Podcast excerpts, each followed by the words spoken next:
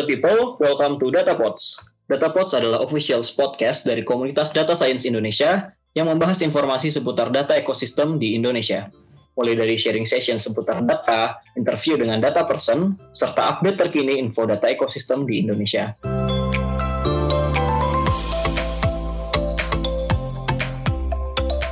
Kenalkan, nama saya Huday yang akan menjadi host pada episode podcast kali ini Nah, kalau pada episode sebelumnya Datapod sudah bahas tentang apa sih telemedicine secara general.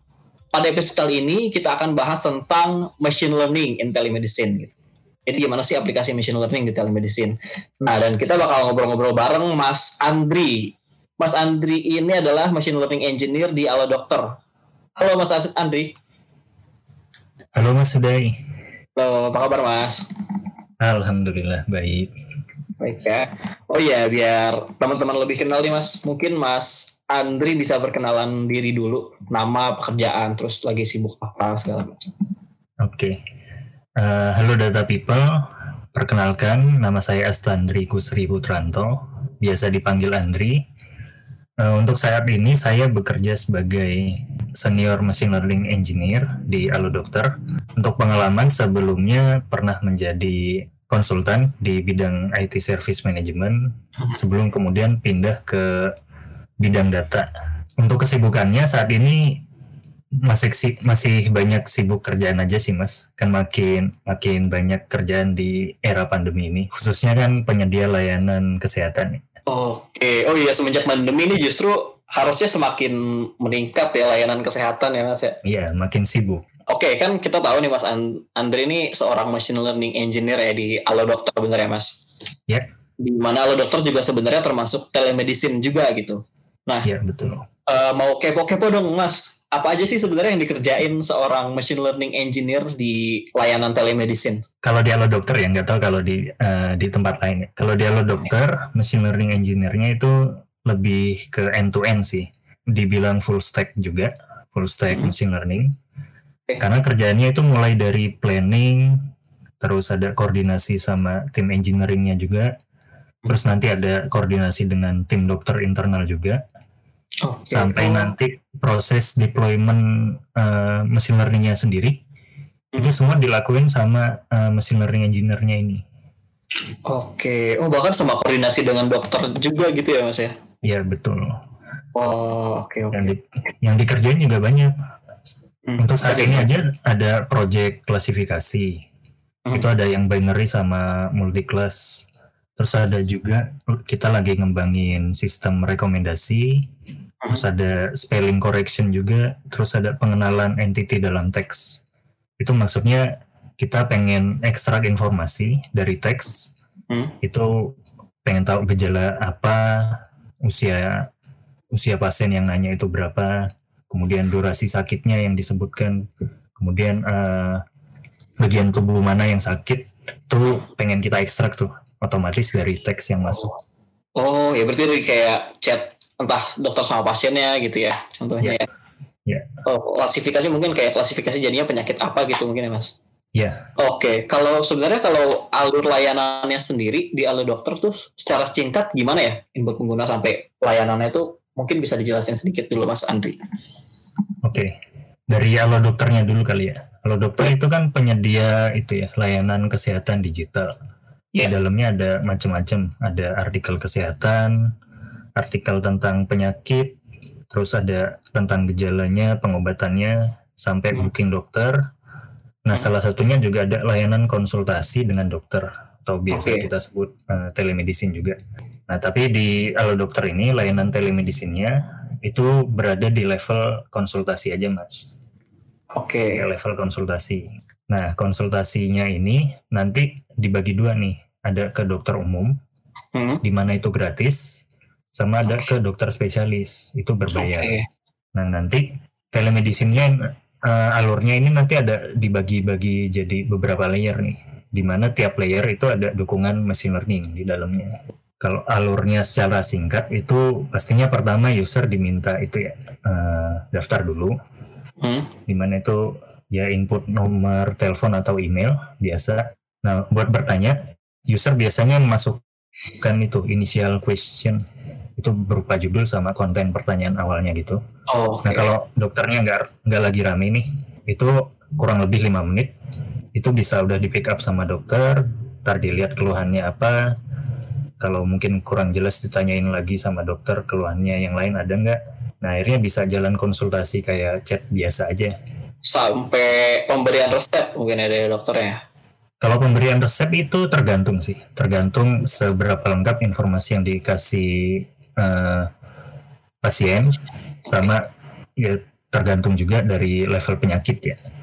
Oke, berarti memang apa sampai dalam tahap konsultasi berarti ya, Mas Andi? Ya, Oke. ya akan terus akan terus berkembang sih. Untuk saat ini sampai level itu, ya nanti akan Terus terus dikembangkan. berkembang. sih. Ya. Oke. Eh, terus Mas Andri, kalau dari mungkin sebagai machine learning eh machine learning engineer juga eh, biasanya tahu ya kira-kira penyakit apa aja sih Mas yang pada umumnya dikeluhkan gitu oleh pengguna gitu. Terus gimana caranya biasanya layanan telemedicine menjawab keluhan-keluhan tersebut? gitu? Mulai dari penyakitnya dulu ya. Kalau penyakit yang se- sering dikeluhkan Hmm. untuk akhir-akhir ini itu pastinya tentang yang related dengan COVID ya. Oke. waktu coba saya cek itu ada penyakit tentang sesak nafas, nyeri dada, Oh, oh, sakit iya. tenggorokan. Itu trafficnya naik tuh. Pertanyaan tentang eh, gejala-gejala yang dialami yang seperti itu. Oke, oke, oke, oke. Nah, selain itu kalau yang general yang selama ini memang sering banget ditanyakan itu tentang kehamilan, tentang Hmm. menstruasi dan tentang, tentang sakit kepala. Oke, itu umumnya ya. Cuma emang sekarang yang lagi naik tuh tentang tadi ya Mas ya, kayak sesak nafas. Iya, betul. Oh, oke oke oke. Berarti itu tuh sesuai dengan trennya ya. Kan mungkin juga orang itu ya agak parno gitu. Mm-mm. Wah, ini jangan-jangan kena Covid nanti. Ya, bagusnya, Iya, iya. bagusnya sih mulai paham ada telemedicine ini jadi mulai nanya-nanyain gitu. Iya betul sih enaknya. Soalnya iya sekarang kayak sakit dikit kayak parno, aduh eh, kena covid. Iya. Kayak gitu kan. Kalau ada layanan ini sebenarnya lebih gampang, jadinya enak kan. Gak perlu ke datang ke dokternya juga gitu kan, langsung Iya. chat-chat aja sama dokternya. Oke, berarti tinggal tinggal konsultasi ke dokternya, dokternya bakal jawab keluhan-keluhannya lah ya. Nah, ya. Nah, uh, next kan tadi apa? Gimana uh, layanan Halo Dokter menjawab pertanyaan-pertanyaan kayak tadi ya? Ini mungkin saya jelasin agak detail soal layer-layer tadi. Uh, di mana ada bantuan machine learning juga di dalamnya. Jadi pertama tadi kan uh, user bisa input judul tuh sama kontennya.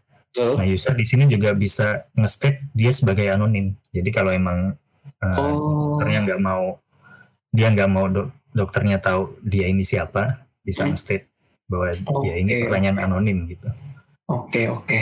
itu layer pertama nah di layer selanjutnya itu sebelum konsultasi langsung sama dokter Hmm. itu biasanya disuguhkan itu eh, artikel rekomendasi terkait dengan Oh. pertanyaan yang diajukan sama user Oh, Oke, oke, oke. karena sekitar 20 sampai 30% user itu akhirnya nggak lanjut konsultasi ke dokter karena ternyata sudah terjawab di artikel-artikel Artikel tersebut ya.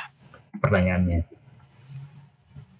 Nah, selanjutnya kalau memang belum terjawab, terus user pengen lanjut konsultasi dengan dokter, itu user bisa milih, bisa milih eh, next ke dokter gitu. Layer selanjutnya ini eh, akan ada semacam form pemeriksaan. Form Hmm. pemeriksaan ini kayak kita kalau kita ke periksa ke rumah sakit langsung itu kan biasanya ditanyain tuh sama asisten dokternya ya Iya, betul. kayak sudah berapa lama sakit, Hmm. bagian mana, mungkin dicek juga suhu tubuh, berat Hmm, badan betul. kayak gitunya. Betul. Nah ini ada form kayak gitunya juga. Nah uh, form ini dikemas dalam bentuk chatbot nantinya. Tujuannya itu biar lebih cepat uh, menggali keluhan dari pasien pastinya. Dan tentunya form ini juga disiapkan oleh tim dokter internal. Jadi ada tim dokter internal Halo Dokter yang menggunakan uh, knowledge expertise-nya Hmm. untuk menyiapkan pertanyaan-pertanyaan uh, form yang ini. Oke, Jadi sudah berarti berstandar sebelumnya. Standar Ya, sudah disiapkan sama dokter lah. Dan itu sudah uh, melalui proses validasi di komunitas dokter di internal Halo Dokter. Berarti kalau yang saya tangkap nih mas, Hmm. uh, aplikasi machine learningnya tadi pertama pas pas uh, user input judulnya segala macam jadi si mesinnya udah tahu oh kita langsung sungguhin aja nih artikel-artikel yang berhubungan gitu ya terus yeah. chatbot juga ya termasuk salah satunya ya betul nah yang paling penting di form pemeriksaan ini sih mas ini bisa uh, speed up itu karena kan ini layanannya uh, khususnya yang dokter umum itu kan gratis ya hmm. di mana jumlah dokter yang pick up itu juga terbatas jadi hmm. nggak hmm. bisa setiap user nanya bisa aja usernya di seluruh Indonesia lagi lagi ada keluhan nih yeah. kan nggak mungkin masing-masing dapat dokter satu persatu betul betul, nah, betul. tujuannya form ini tuh buat menggali lebih cepat informasi dari user keluhan-keluhannya supaya nanti dokter bisa lebih cepat nih ngelihat oh ini kayaknya uh, diagnosa penyakitnya itu seperti ini. Memang jadi memudahkan ya. Ya. Lebih. Jadi mesin learningnya nggak menggantikan peran dokter di sini, lebih ke enhance. Itu membantu ya, betul enhance, ya. betul betul betul. Oh, keren keren keren.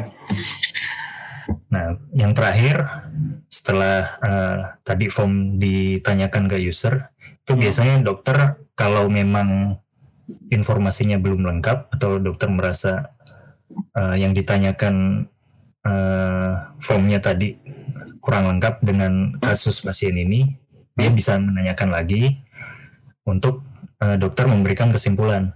Kesimpulannya bisa berupa rekomendasi pola hidup sehat, obat apa yang aman dikonsumsi, atau juga rekomendasi untuk periksa ke dokter spesialis.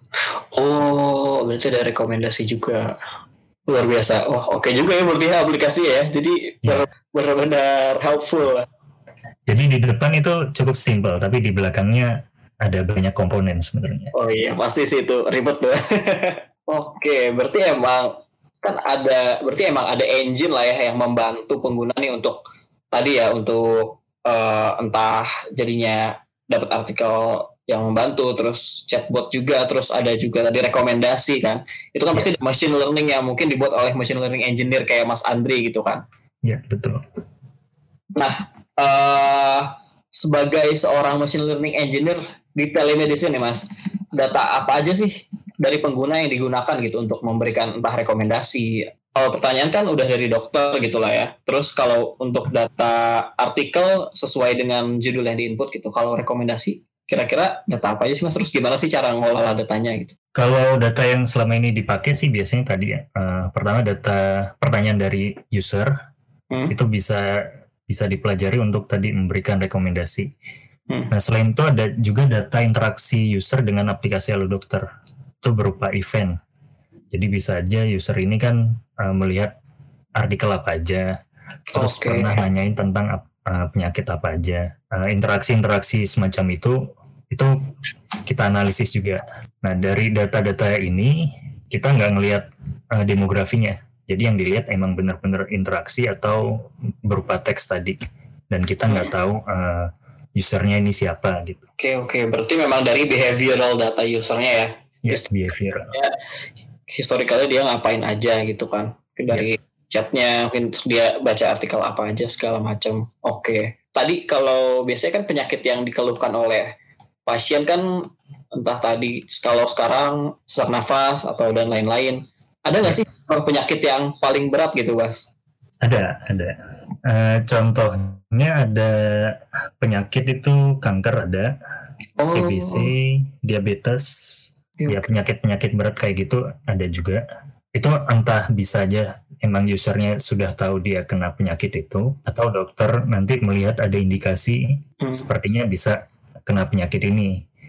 Nah, hmm. tapi yang dilakukan dokter itu enggak nggak langsung bisa ngasih kesimpulan bahwa anda kena kanker gitu nggak mungkin kan ya hmm. nah itu sesuai keluhan yang tadi disampaikan pasien kalau dokter melihat oh ini kayaknya ada indikasi penyakit berat hmm. dokter hanya bisa ngasih itu informasi aja penyakit ini itu penyebabnya apa gejalanya apa dan sementara untuk mengurangi keluhan-keluhan yang dialami hmm. obat apa atau makanan apa yang aman untuk dikonsumsi dan okay. pastinya dokter ngasih rekomendasi ya untuk uh, ke rumah sakit atau dokter spesialis langsung gitu untuk periksa. Hmm.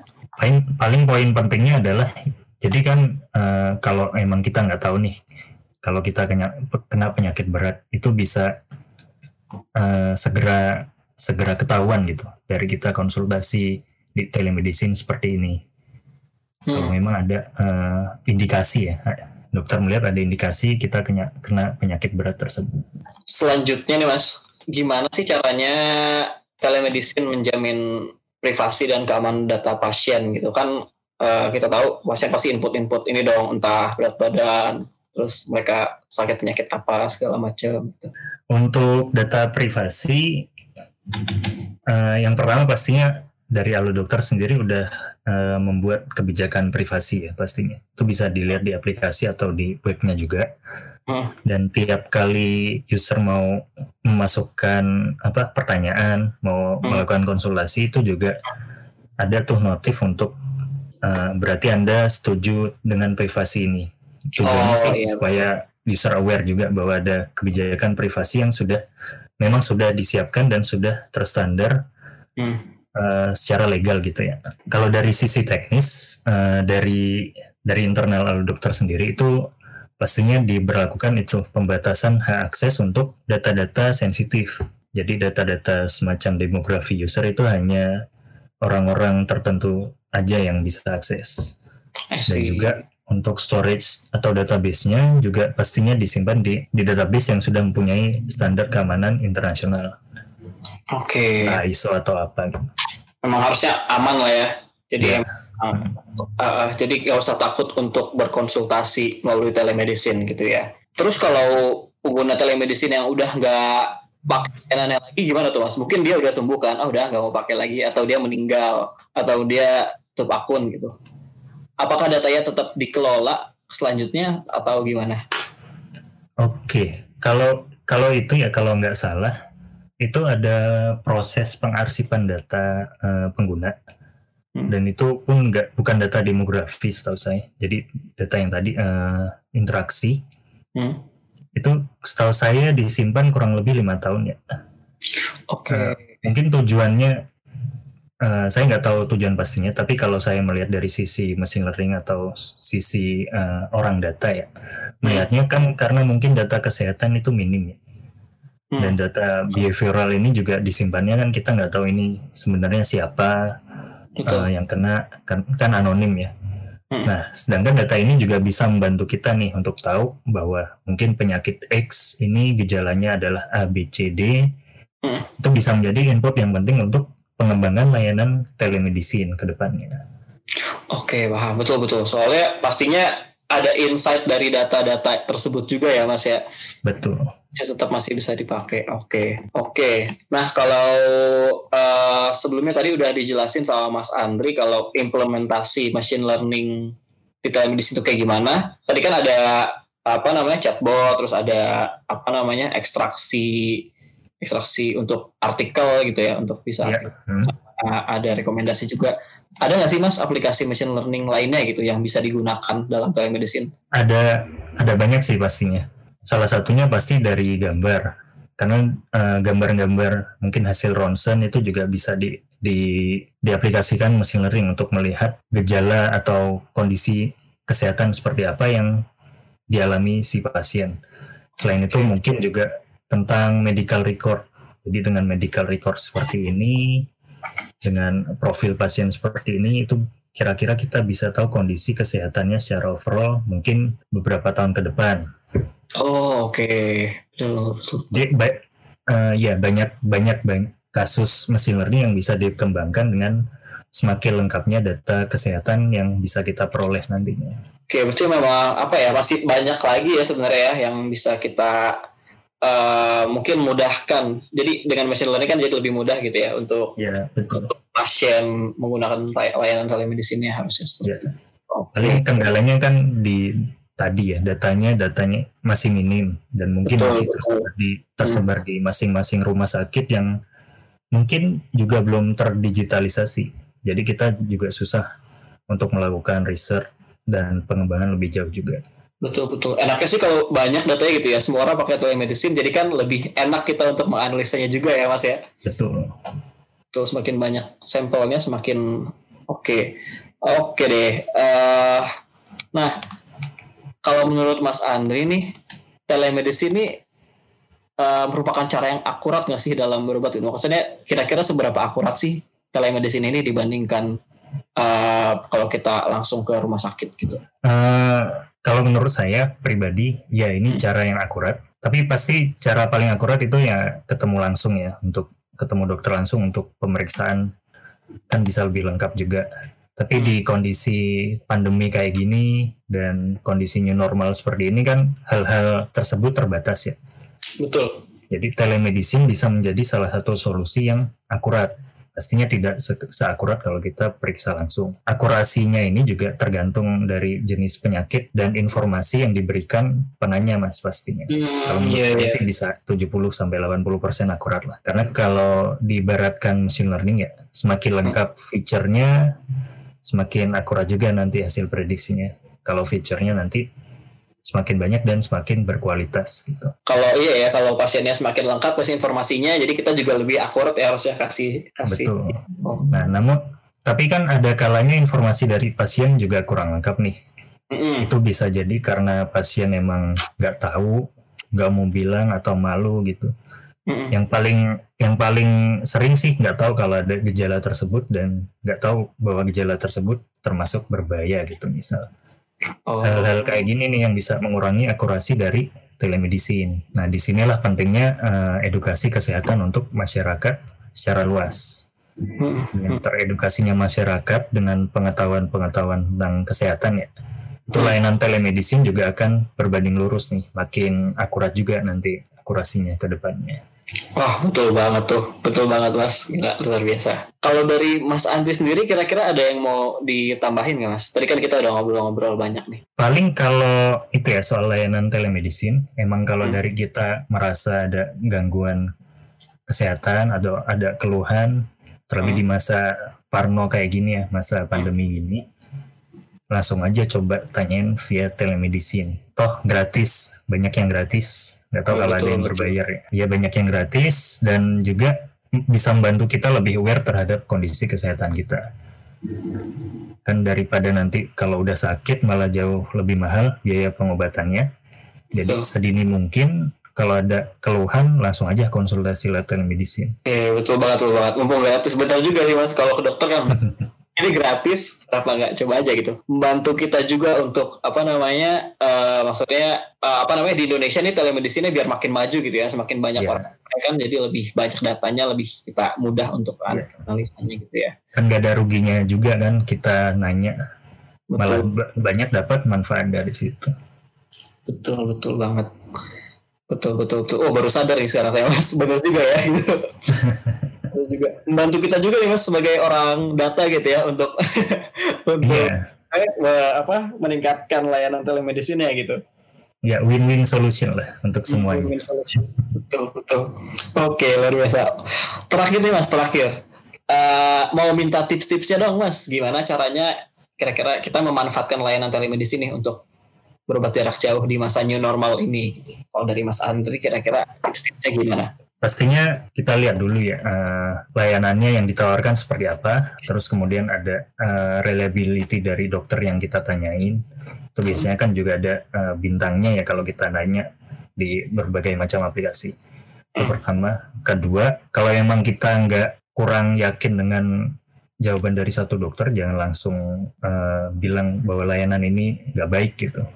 Bisa aja ya, ya udah kita coba tanya lagi ke dokter yang lain. Dan juga mirip juga. Jadi belum tentu pernyataan dari satu dokter ini sudah yang paling benar. Jadi uh-huh. mumpung tadi gratis juga, kita coba uh, cari second opinion.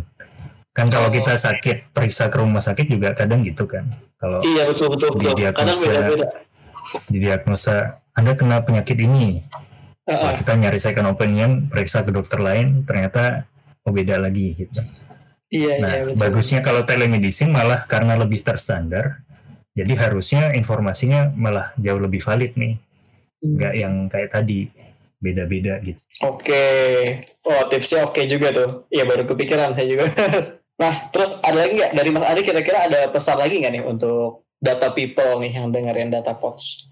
Oke, okay, kalau untuk data people, kalau mau menjajaki uh, dunia machine learning, itu sebenarnya terbuka lebar. Dalam artian kita masih dalam tahap teknologi ini terus berkembang dan kebutuhan untuk eh, orang-orang uh, di bidang machine learning ini untuk pengaplikasiannya dalam real life uh, case itu masih banyak banget.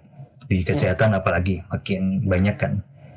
Itu pastinya tetap belajar aja uh, kayak saya nih sebelumnya juga konsultan akhirnya bisa menjadi machine learning engineer juga ini kita bisa uh, memanfaatkan uh, situasi saat ini dengan ilmu yang kita punya untuk uh, lebih bermanfaat lah ke masyarakat lebih banyak.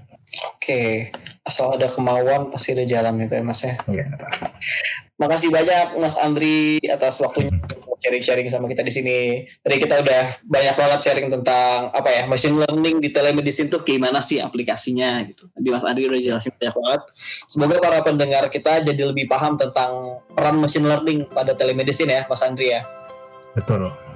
Oke, terima kasih juga buat teman-teman semua yang udah mendengarkan data post kali ini buat teman-teman yang mau memberikan saran, feedback, atau mungkin saran data person yang bisa kita ajak wawancara, bisa langsung aja email kita di datapods@datascience.co.id dan jangan lupa ikuti terus Instagram Data Science Indonesia di @datascienceindonesia.